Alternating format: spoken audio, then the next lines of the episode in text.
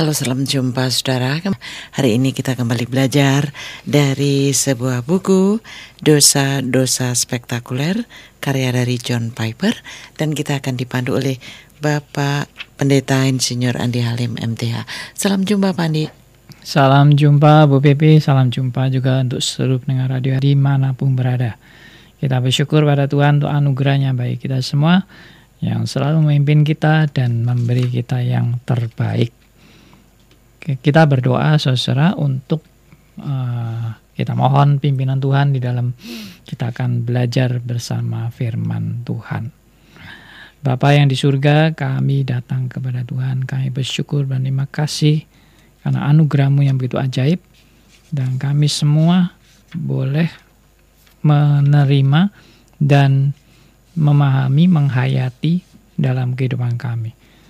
Biarlah apa yang kami pelajari pada hari ini juga lebih memperlengkapi kami sebagai anak-anak Tuhan menjalani kehidupan dari hari ke sehari bersama dalam pimpinan Roh Kudus. Kami serahkan doa kami dan seluruh pendengar radio di mana pun berada. Tuhan berkati juga. Dalam nama Tuhan kami Yesus Kristus, Tuhan dan Juru Selamat kami yang hidup, kami berdoa. Amin. Ya, saudara, kita sudah mempelajari bab yang keempat dengan subtema merayakan superior superioritas Yesus Kristus. Dan ada bagian-bagian sudah kita uh, pelajari belum tuntas dari merayakan super, superioritas Yesus Kristus ini. Kita sudah uh, pada subtopik anugerah Kristus yang berlimpah, kemudian ketaatan Kristus yang sempurna. Pak Andi akan memberikan review sebelum kita lanjut pada pembahasan berikutnya. Ya, saudara, kita bersyukur karena kita selalu bisa uh, lebih mengerti dan lebih mengerti akan uh, rencana Allah yang luar biasa dalam kehidupan kita kita sudah sampai kepada uh, bab 4 ya, bagian keempat ketidaktaatan Adam yang fatal dan ketaatan Kristus yang penuh kemenangan. Nah, kita sekarang sudah membahas mengenai bagaimana perbedaan antara Kristus dengan Adam dan persamaannya. Ya, kita sudah melihat sekarang bahwa sebenarnya pusatnya adalah pada Kristus. Nah, kita lihat bahwa anugerah Kristus yang berlimpah ya, anugerah Kristus itu berlimpah. Jadi kenapa berlimpah ya? Karena kita ini orang berdosa yang nggak layak dan Tuhan uh, melayakkan kita ya. Kita kita ini pekerjaannya pekerjaan berdosa, pekerjaan yang yang uh, hina, tetapi itu Kristus mau menyelamatkan kita orang-orang berdosa dan orang-orang hina ini. Yang kedua adalah ketaatan Kristus yang sempurna. Jadi uh, kita melihat bahwa Abra Adam yang tidak taat dan Kristus yang taat. Jadi uh, ketidaktaatan Adam membawa malapetaka dan ketaatan Kristus membawa uh, berkat yang luar biasa bagi setiap orang yang percaya kepadanya. Nah, kita sekarang sudah sampai kepada uh, bagian yang ketiga, ya, yaitu berkuasanya kehidupan.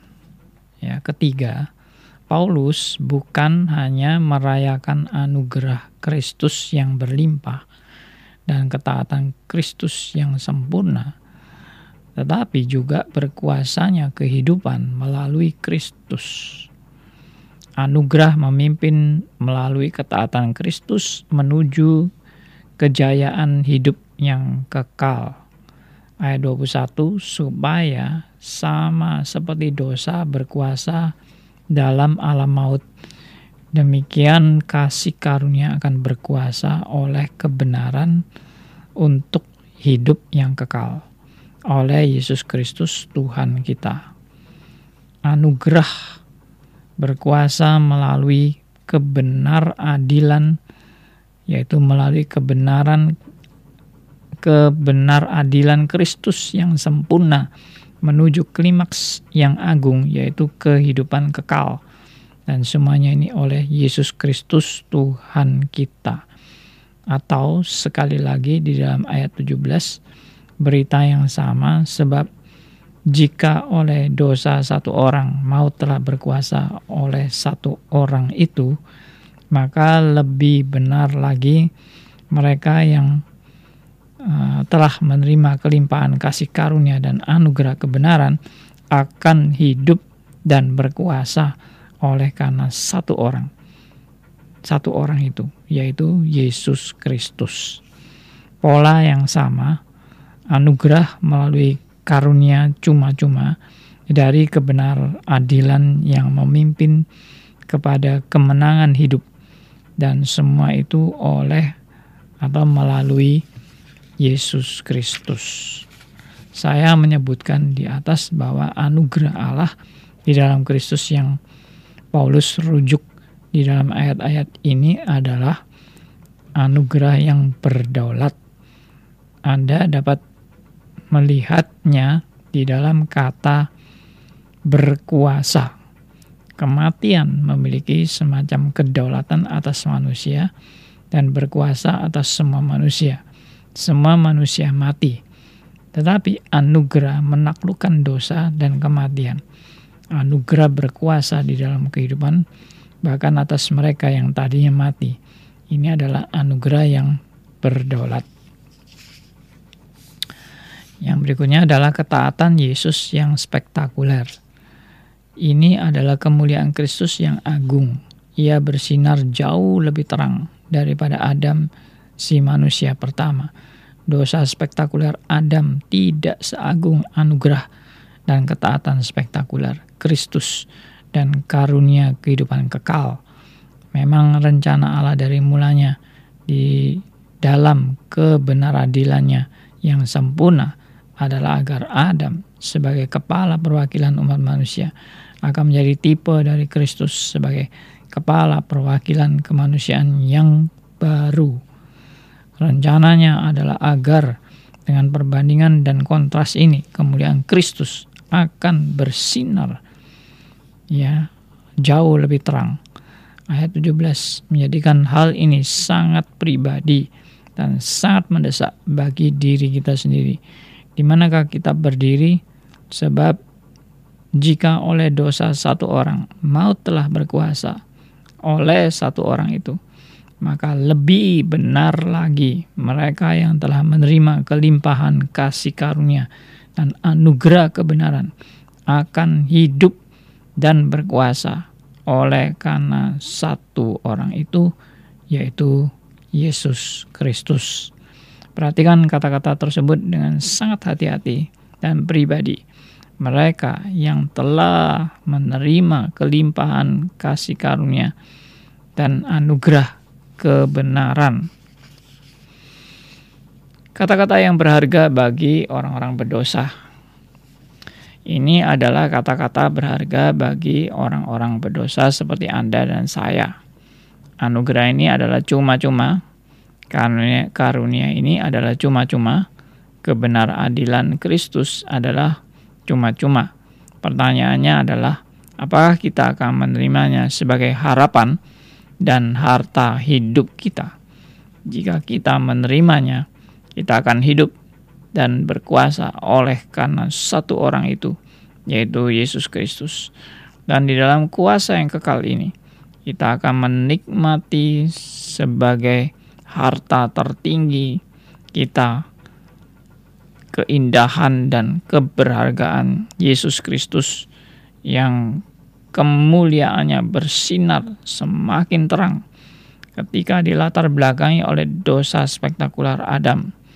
Maksud dari Roma 5 ayat 12 ayat 21 adalah bahwa pencapaian Kristus yang menyelamatkan dimengerti dan dihargai sebagaimana seharusnya ketika kita memperhatikan dosa spektakuler Adam Ini bukanlah suatu kebetulan.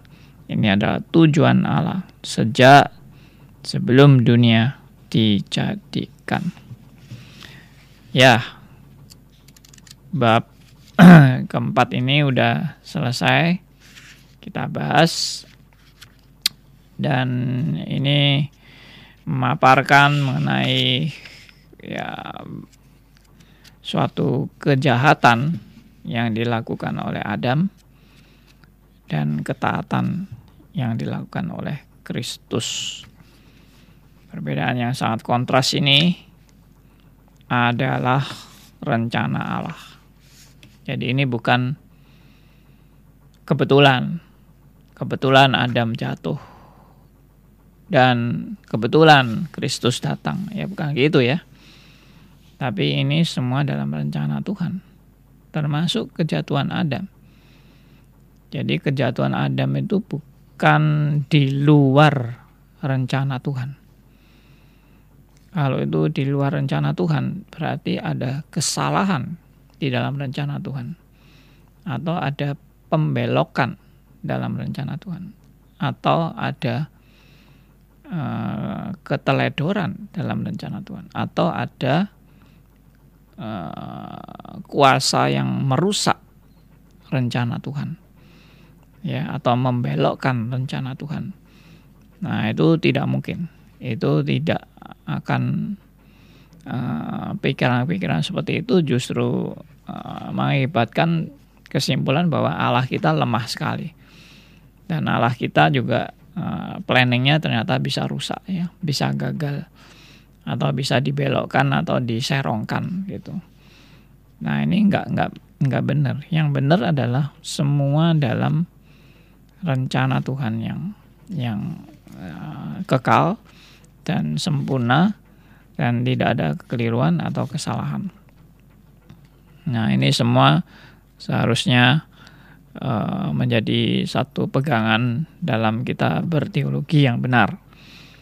Tetapi tidak berarti kalau itu rencana Tuhan, lalu Adam itu dianggap tidak bersalah. Kan ini rencana Tuhan, kan ini sudah planningnya Tuhan. Jadi Adam nggak usah disalahkan dong.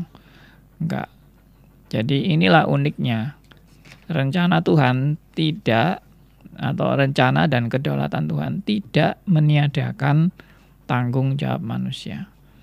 Ya, ini sudah berulang-ulang kita tekankan dan berulang-ulang juga banyak orang bertanya dan merasa tidak jelas. Jadi saya tegaskan sekali lagi bahwa kejatuhan Adam memang dalam penetapan Allah ya dalam kedaulatan Allah dan dan ini juga dalam rancangan Tuhan yang tidak kebetulan dari alfa sampai omega.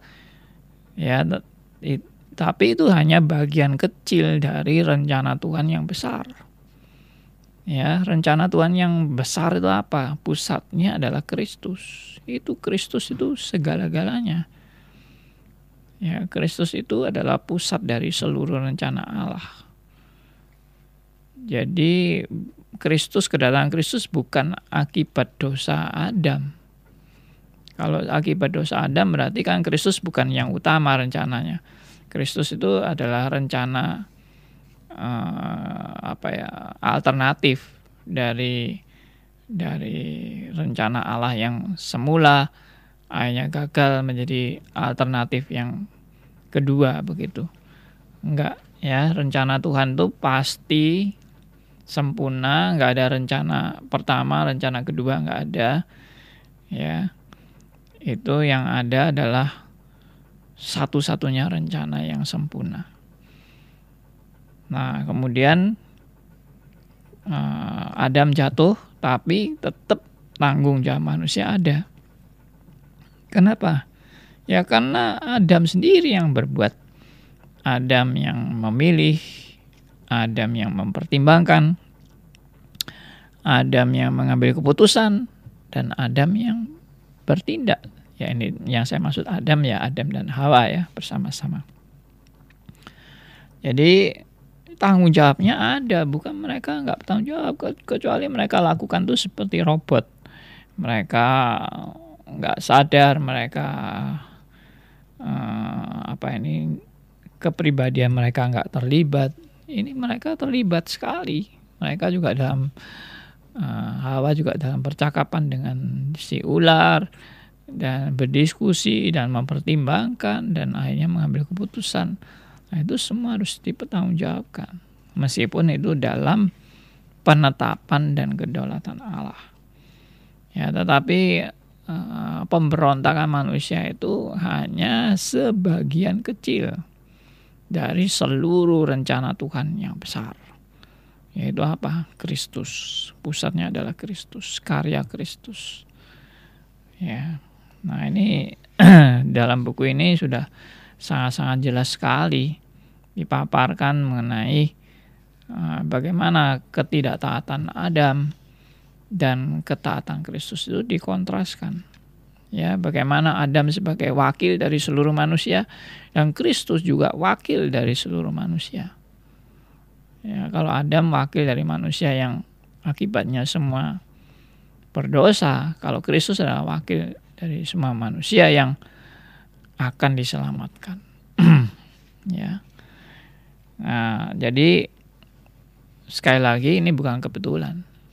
Dan ini bukan uh, bukan tambal sulam ya. Rencana Tuhan tuh nggak tambal sulam. Dan tidak hanya tidak merupakan reaksi-reaksi dari perbuatan manusia. Berarti kalau hanya reaksi-reaksi kan Tuhan tuh cuma nunggu aja. Nanti manusia bakal apa?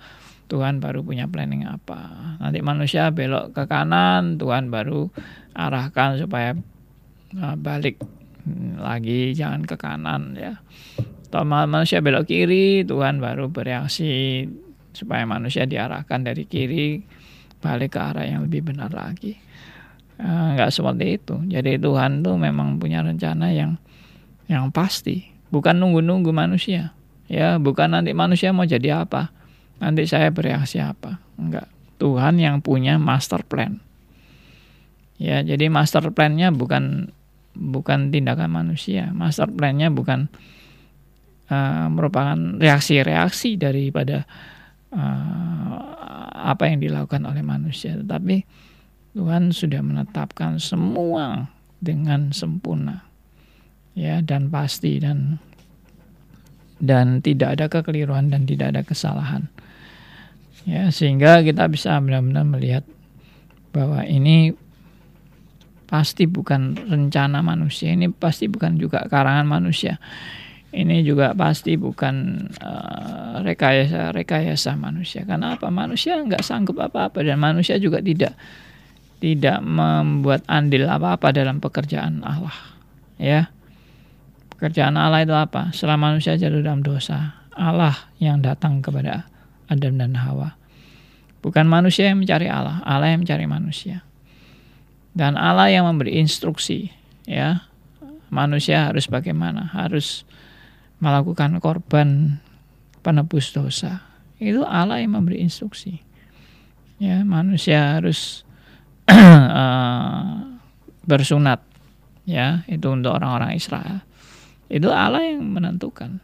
Jadi manusia itu tidak ada itu ide dari manusia, itu semua dari Allah. Ibadah, ibadah itu bukan ide dari manusia, itu Allah yang menentukan. Ya, jadi semua dari Allah. Ya, lalu siapa yang mencari siapa? Apakah Abraham yang mencari Allah atau Allah yang mencari Abraham? Ternyata Allah yang mencari Abraham. Siapa mencari siapa? Musa yang mencari Allah atau Allah yang mencari Musa dan menangkap Musa? Ya. Nah, ini semua sudah jelas sekali. Semua adalah karya Allah, semua adalah desain Allah, semua adalah rencana Allah, termasuk saudara dan saya hari ini. Kita bisa percaya sama Tuhan.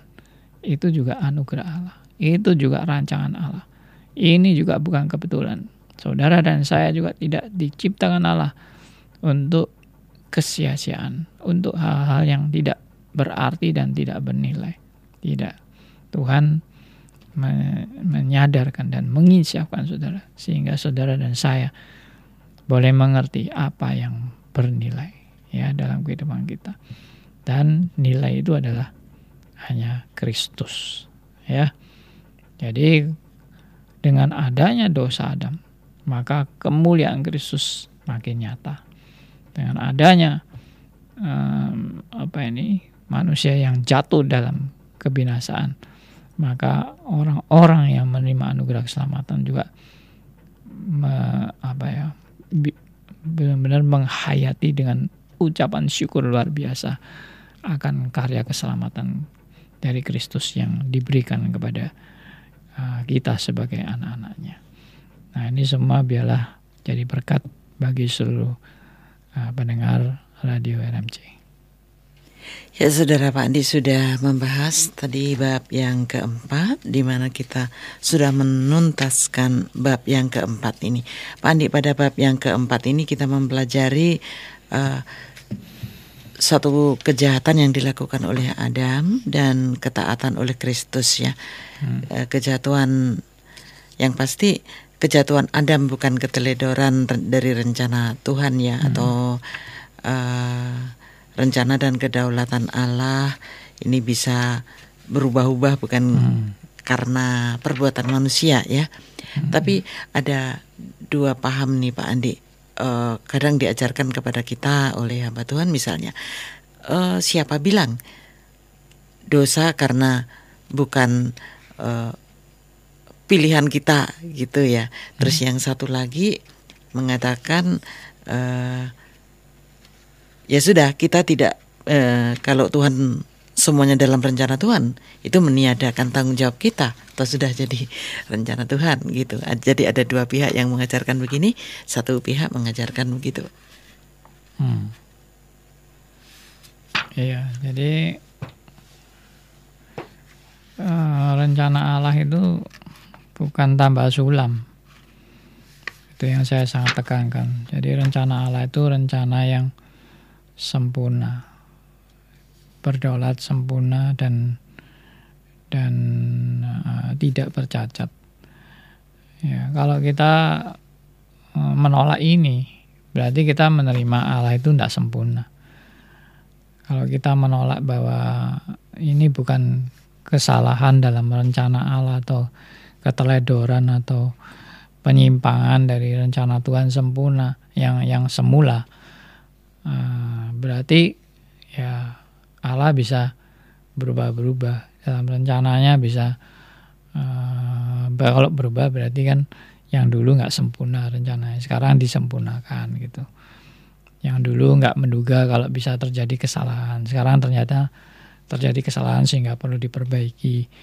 Nah itu itu namanya tambah sulam dan dan itu uh, konyol kesimpulan yang konyol jadi Nah, kelihatannya memang kita lebih suka lebih suka Allah itu uh, bereaksi atas segala perbuatan manusia. Ya, bukan Allah yang menentukan semuanya dan Allah yang sudah menetapkan semua dan merencanakan dan memastikan semuanya akan terjadi.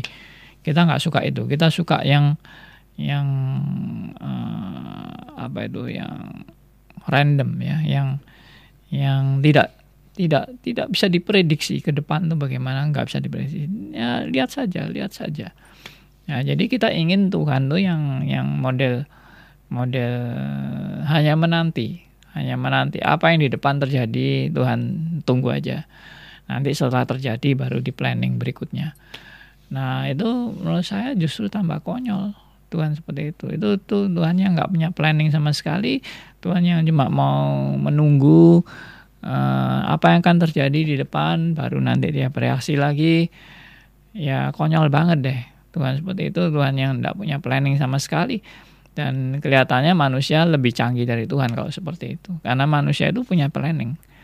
Uh, dan meskipun manusia punya planning tapi manusia kan nggak nggak tahu apa yang terjadi. Dan kemungkinan besar juga planning manusia bisa salah dan dan perlu diperbaiki dan perlu untuk direvisi atau ya diperlengkapi dan sebagainya. Atau ya kalau kalau salah ya berarti dirubah sama sekali. Ya, itu kalau manusia kalau Allah mungkin ke Allah itu salah. Mungkin ke Allah itu tidak tahu apa yang terjadi. Mungkin ke Allah itu salah perhitungan dan sebagainya. Sudah itu tidak mungkin semua. Jadi uh, konyol kalau kita mengatakan bahwa Allah itu hanya uh, hanya membuat rencana uh, step by step gitu ya. ya langkah demi langkah. Dan Allah tidak tidak punya rencana yang langsung semuanya alfa dari dari alfa sampai omega. Itu nggak benar. Yang benar tuh justru Allah kita adalah Allah yang sempurna sekali.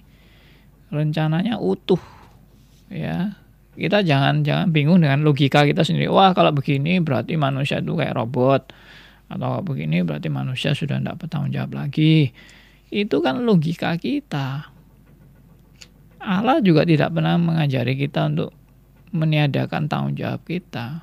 Kita tetap harus bertanggung jawab. Tetapi juga Allah juga mengajari kita ini semua dalam kedaulatannya. Ya memang ada ayat-ayat yang bernada antropomorfis ya. Antropomorfis itu gaya bahasa gambaran-gambaran manusiawi. Ya, gaya bahasanya juga gaya bahasa manusia dan gambarannya juga gambaran manusiawi. Allah itu seperti kayak manusia yang misalnya kata menyesal. Oh, Allah bisa menyesal enggak? Ya memang di Alkitab ditulis Allah menyesal. Bahkan dalam bahasa aslinya bukan hanya menyesal, Allah itu bertobat. Nah konyol kan kalau Allah itu bertobat sama seperti kita begitu. Seolah-olah Allah pernah berbuat salah dan Allah teledor dan Allah mungkin emosional begitu sampai sampai tindakannya tidak terkontrol sehingga dia menyesal begitu. Enggak dong. Allah enggak pernah menyesal seperti itu. Allah itu sempurna. Jadi rencananya juga sempurna dan kita jangan berlogika sendiri lalu logika kita kalau kita nggak bisa jawab lalu kita bilang ah Allah tidak seperti itulah. Nah, misalnya kalau Allah menetapkan segala sesuatu kan kita ini robot. Nah, itu kan logika kamu, kamu itu robot. Allah tidak pernah memperlakukan kita seperti robot, tapi Allah juga tidak mem, mem, apa, mem, membiarkan kita tuh melakukan hal-hal yang liar sampai tidak terkontrol di dalam kuasa dan kedaulatannya.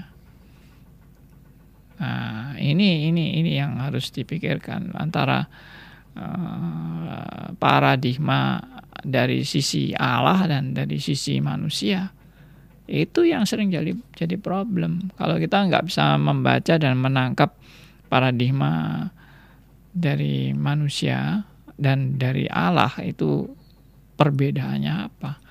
Dan sudut pandangnya ini bagaimana? Ya dari dari kondisi yang bagaimana? Kondisi manusia bagaimana? Kondisi Allah bagaimana? Wah kita pasti kacau terus itu kesimpulannya. Ya kita bersyukur karena kita justru dapat pengenalan yang luar biasa bahwa Allah itu tidak mungkin salah. Bahwa Allah itu rencananya kekal bahwa Allah itu sudah menetapkan segala sesuatu dengan sempurna. Hanya kita yang nggak ngerti. Kalau nggak ngerti jangan jangan menurunkan derajat Allah. Nah ini nasihat saya. Ya. Kalau kita nggak mengerti istilahnya logika kita nggak nyampe. Misalnya kenapa ya kok Allah sampai bisa uh, apa ini menetapkan kejahatan terjadi? Kan kalau tidak ada kejahatan kan lebih enak ya itu logika kita kan. Tapi jangan gara-gara logika kita lalu kita bilang ah itu berarti bukan rencana Allah itu. Ya, kejahatan itu bukan rencana Allah. Karena Allah tidak mungkin bisa memikirkan apa ini ada kejahatan dalam dalam pikiran Allah. Loh Allah Allah itu memikirkan segala sesuatu tanpa kecuali segala sesuatu yang baik buruk, baik itu kebaikan, baik itu hal berdosa, baik itu hal suci, itu semua Allah tahu dalam dalam lingkup kedaulatannya. Jadi Allah bukan kayak bayi yang nggak ngerti mungkin uh, apa ya uh, perbuatan tertentu bayi tidak mengerti misalnya uh, kompromi. Wah, pasti bayi bingung kata kompromi gitu. Ya apakah Allah tidak mengerti kompromi? Ya ngerti lah ya Allah itu sudah tahu semuanya dan dan paham semuanya. Yang nggak ada yang Allah nggak ngerti. Apakah Allah tidak mengerti berzina? Ya ngerti dong tentang perjinahan. Ya, cuma Allah tidak pernah berzina memang. Ya, tetapi semua dalam dalam pengetahuan kesempurnaan Allah yang akan segala sesuatu. Ya, jadi kalau ada tulisan uh, tidak ada dalam pikiran Allah atau tidak ada dalam apa uh, apa uh, rencana Allah atau planning Allah. Itu bahasa antropomorfis. Jangan itu diterjemahkan secara hurufiah itu mirip seperti Allah menyesal kalau Allah menyesal diterjemahkan seperti manusia konyol kan. Kita berarti Allah bisa salah. Allah bisa nggak berdaya menyesal dan tidak berdaya. Ya Allah bisa uh, tidak maha tahu ya. Dan Allah uh, apa ini uh, bisa bisa salah merencanakan dan sebagainya atau tidak tahu apa yang akan terjadi dan dan tidak berkuasa bisa mengatasi keadaan.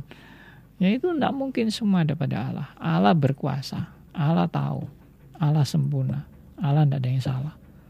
Jadi menyesalnya Allah bagaimana? Nah itu yang harus dipikirkan benar-benar dalam Alkitab. Itu namanya antropomorfis, ya bukan antroposentris ya, antropomorfis itu artinya memakai gambaran-gambaran manusia di dalam menjelaskan akan keberadaan Allah. Nah kiranya ini juga uh, boleh menambah pengertian-pengertian kita.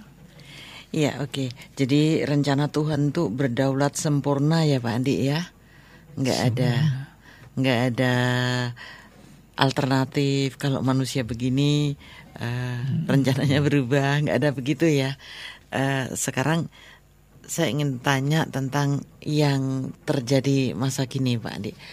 Uh, rencana Tuhan kan nggak mungkin berubah. Hmm. tetapi ada orang uh, orang-orang yang sangat mengasihi orang tertentu, mungkin mengasihi hamba Tuhan tertentu ya, lalu uh, hamba Tuhan tersebut meninggal, katakan uh, berdoa Tuhan dengan kuasa doa ini, ya kalau Tuhan sayang bisa menghidupkan atau membatalkan kematian seperti itu, itu misalnya seperti itu.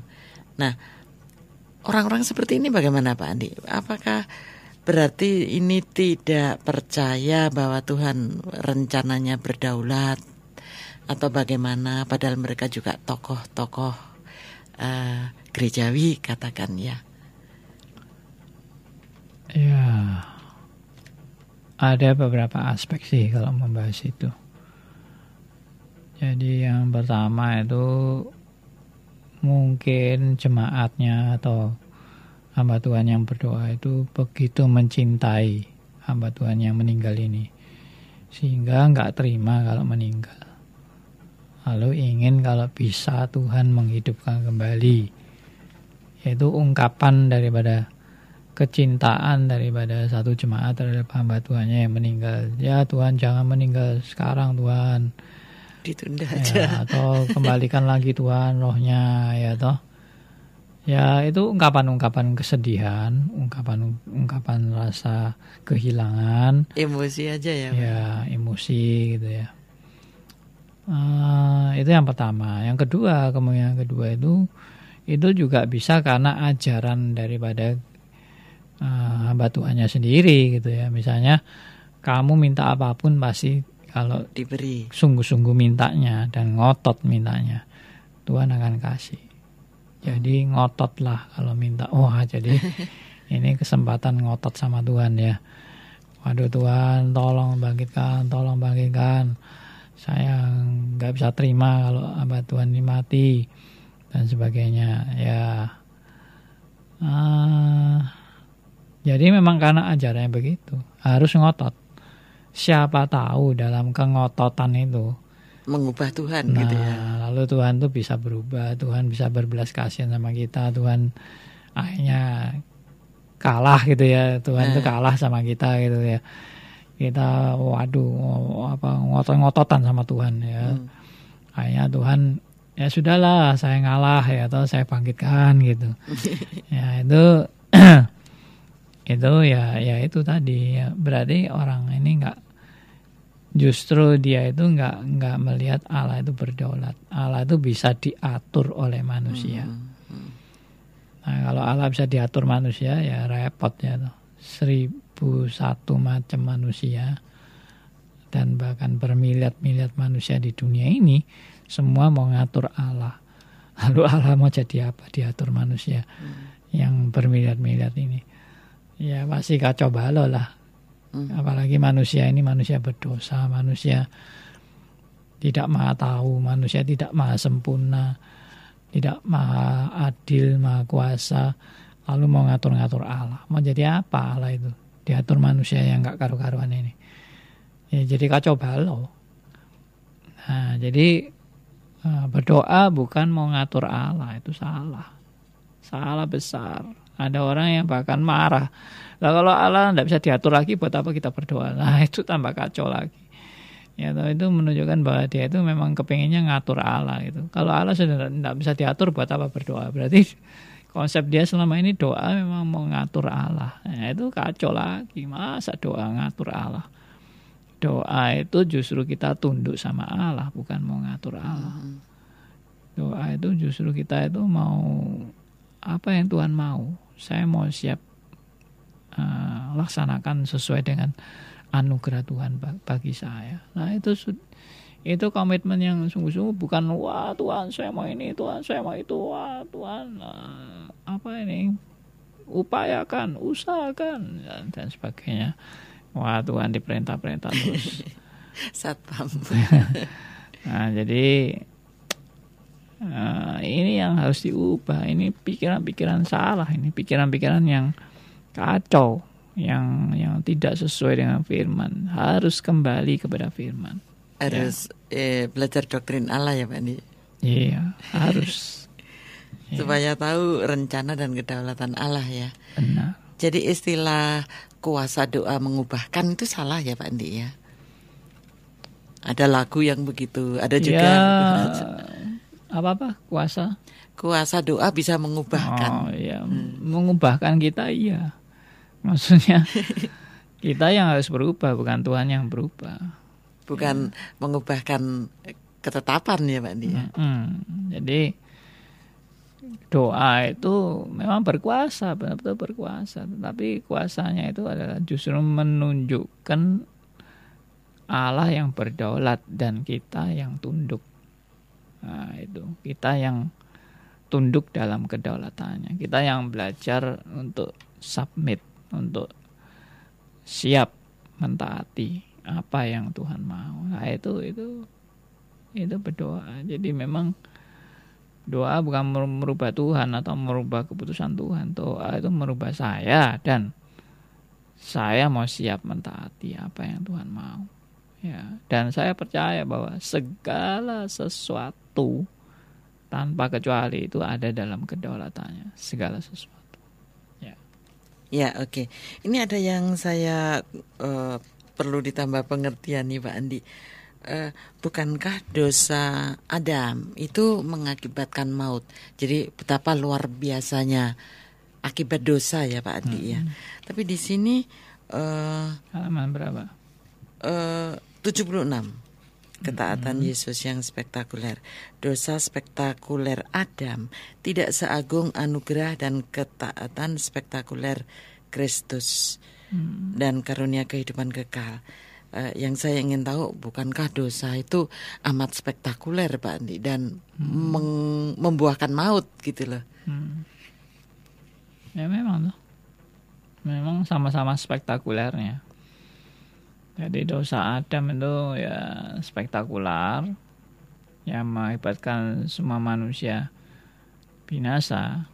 Tetapi karya Kristus itu juga lebih spektakuler lagi karena mengantar manusia pada keselamatan yang sejati.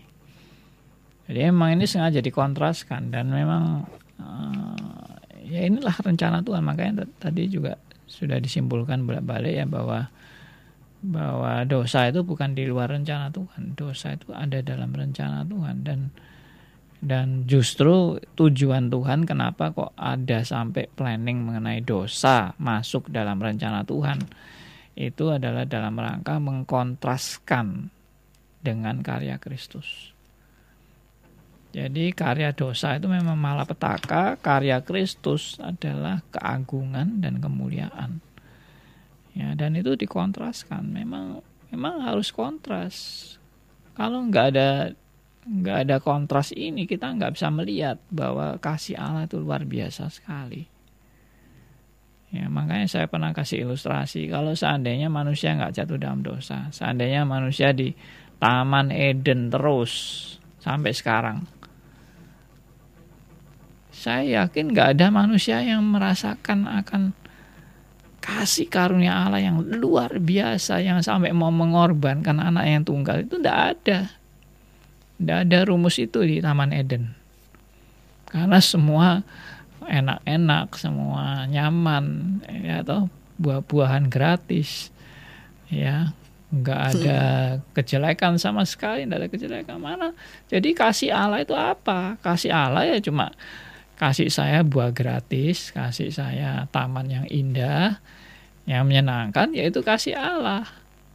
Tapi nggak ada itu pergumulan dalam dosa, nggak ada itu teriakan-teriakan Eh, penderitaan karena dosa. Nggak ada itu terus sukacita menerima Yesus sebagai Tuhan dan Juru Selamat. Nggak ada itu kalau nggak ada dosa. Ya, jadi memang dosa itu ada dalam uh, rancangan Allah yang yang sempurna dan utuh. Jadi ya. adanya dosa eh, demi kemuliaan Kristus gitu ya Pak Andi ya? Iya, betul. Ya, termasuk ini di buku ini kan juga kesimpulannya begitu. Keberadaan dosa itu adalah untuk lebih menyatakan kemuliaan Kristus. Hmm. Itu sebenarnya demi manusia loh, demi manusia. Hmm. Kristus itu sudah mulia, biarpun tidak ada dosa, Kristus juga mulia. Hmm. Tapi demi manusia melihat bahwa itu karya yang luar biasa, hmm. maka manusia di apa dipaparkan akan keberadaan dosa yang demikian mengerikan dan keberadaan karya Kristus yang demikian mulia. Hmm. Gitu. Iya, oke. Okay. Pelajaran kita hari ini menjadi jelas. Kita sudah menuntaskan bab yang keempat. Pak Andi akan memberikan kesimpulan akhir dari bab yang keempat ini.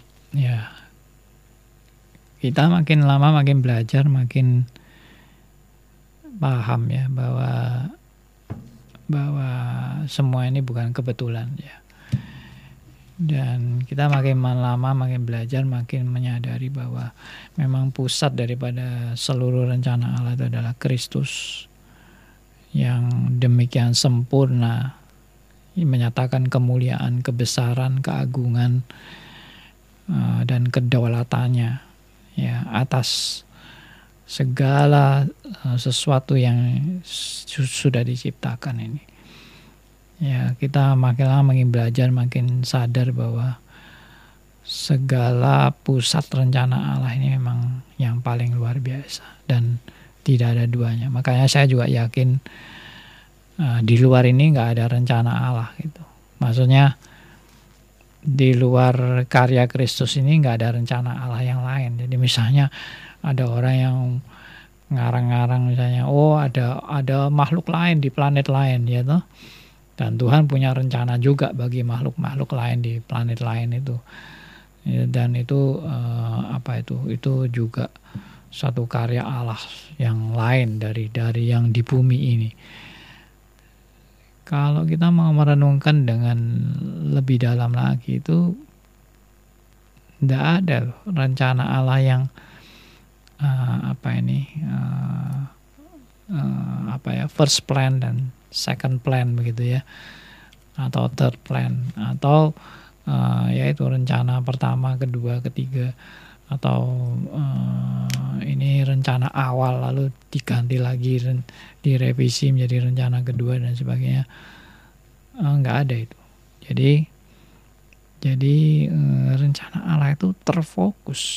Dan rencana Allah itu yang the best yang terbaik Allah tidak bikin rencana-rencana yang tanda tanda petik murahan ya atau Allah tidak bikin rencana-rencana yang dibuat main-main gitu oh ada plan A plan B plan C yang uh, ya ini permainan daripada Tuhan yang variasi macam-macam. Nggak ada loh. Rencana Tuhan tuh terfokus dan rencana Tuhan tuh yang the best. Dan rencana Tuhan tuh satu-satunya. Ya, sama seperti Kristus satu-satunya. Nggak ada jalan lain. Jalan keselamatan adalah Kristus satu-satunya. Allah nggak bermain-main dengan ini.